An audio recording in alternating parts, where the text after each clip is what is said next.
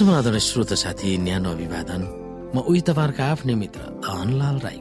श्रोता आज म तपाईँको बीचमा बाइबल सन्देश लिएर आएको छु।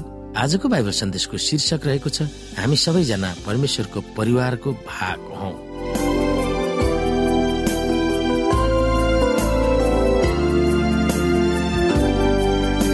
श्रोता साथी आजको अध्ययन एफिसी तीन अध्यायको चौध र पन्ध्रबाट यसै कारण म पिताको सामान्य आफ्नो घोडा टेक्दछु जसद्वारा स्वर्ग र पृथ्वीमा भएको हरेक परिवारको नाउँ राखिएको छ।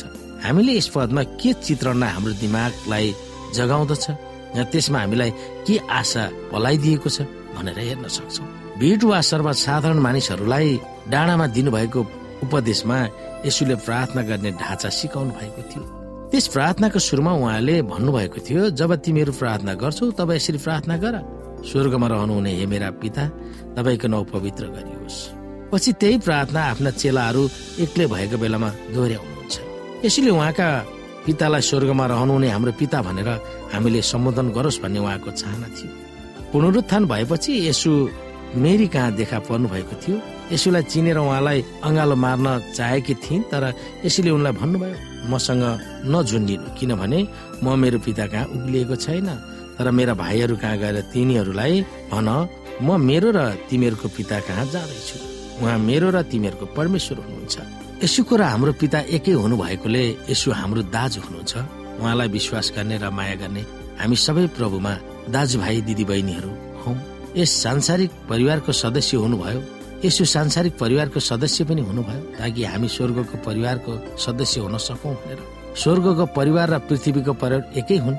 हामीसँग परमेश्वरको सम्बन्ध कस्तो छ भनेर हामी विभिन्न पदहरू पढ्न सक्छौँ हेर्न सक्छौँ।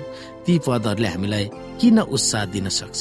आउनु श्रोता हामी हेरौँ यहाँनिर प्रस्थानको पुस्तकलाई। प्रस्थान तीन अध्यायको हेरौँ नौ पददेखि। अब हेर इजरायलीहरूको पुकार म कहाँ आइपुगेको छ र मिस्त्रीहरूले तिनीहरूमाथि गरेको अत्याचार मैले देखेको छु। यसकारण अब आऊ मेरा प्रजा अर्थात् इजरायलीहरूलाई मिश्रबाट निकालेर ल्याउन म तिमीहरूलाई फारो कहाँ पठाउँदैछु। यसै गरी श्रोता हामी अरू पनि पदहरू हेरौँ गलातीको तीन अध्यायलाई हेरौँ। त्यसपछि मोसा र हारुन फारो कहाँ गएर भने परमप्रभु इजरायलीहरूका परमेश्वर यसो भन्नुहुन्छ उजाड स्थानमा मेरो निम्ति चाड मनाउनलाई मेरो प्रजालाई जान देऊ। र किनकि विश्वासद्वारा तिमीहरू सबै ख्रिस यसुमा परमेश्वरका सन्तान हो। किनकि तिमीहरू मध्ये जतिको ख्रिसमा बत्तिसमा भयो तिमीहरू सबैले ख्रिसलाई धारण गरेका छौ। अब न त यहुदी छ न ग्रिक न कमारा छ न फुक्का न त पुरुष न स्त्री छ। किनभने ख्रिस यसुमा तिमीहरू सबै एउटै हो।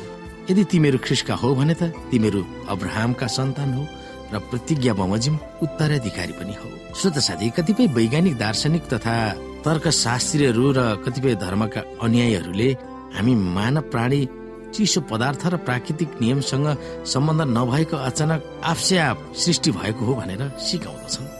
तर त्यसको विपरीत सृष्टिकर्ता परमेश्वर हुनुहुन्छ जसले हामीलाई सृष्टि गर्नुभयो भनेर मात्रै नभनिकन उहाँले हामीलाई प्रेम गर्नुहुन्छ र हामी स्वर्गको परिवारका सदस्यहरू हौ भनेर चित्रण गर्नुभएको छ।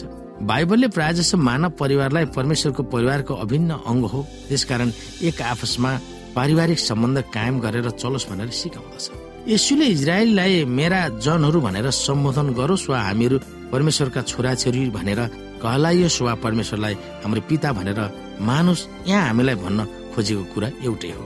जसरी परिवारका सदस्यहरूको बीचमा स्नेह माया र ममताको सम्बन्ध हुन्छ त्यसरी नै परमेश्वरले हामीलाई उहाँकै परिवारका सदस्य भनेर माया गर्नुहुन्छ।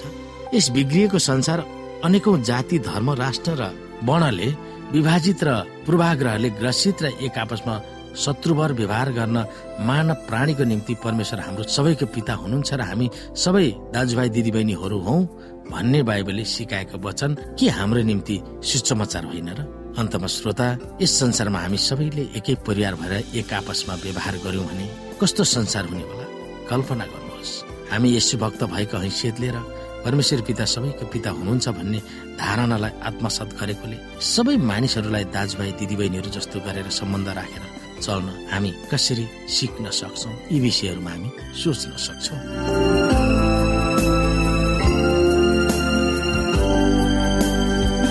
श्रोता साथी आजको लागि बाइबल सन्देश यति नै। हस्त नमस्ते। जय मसिंह।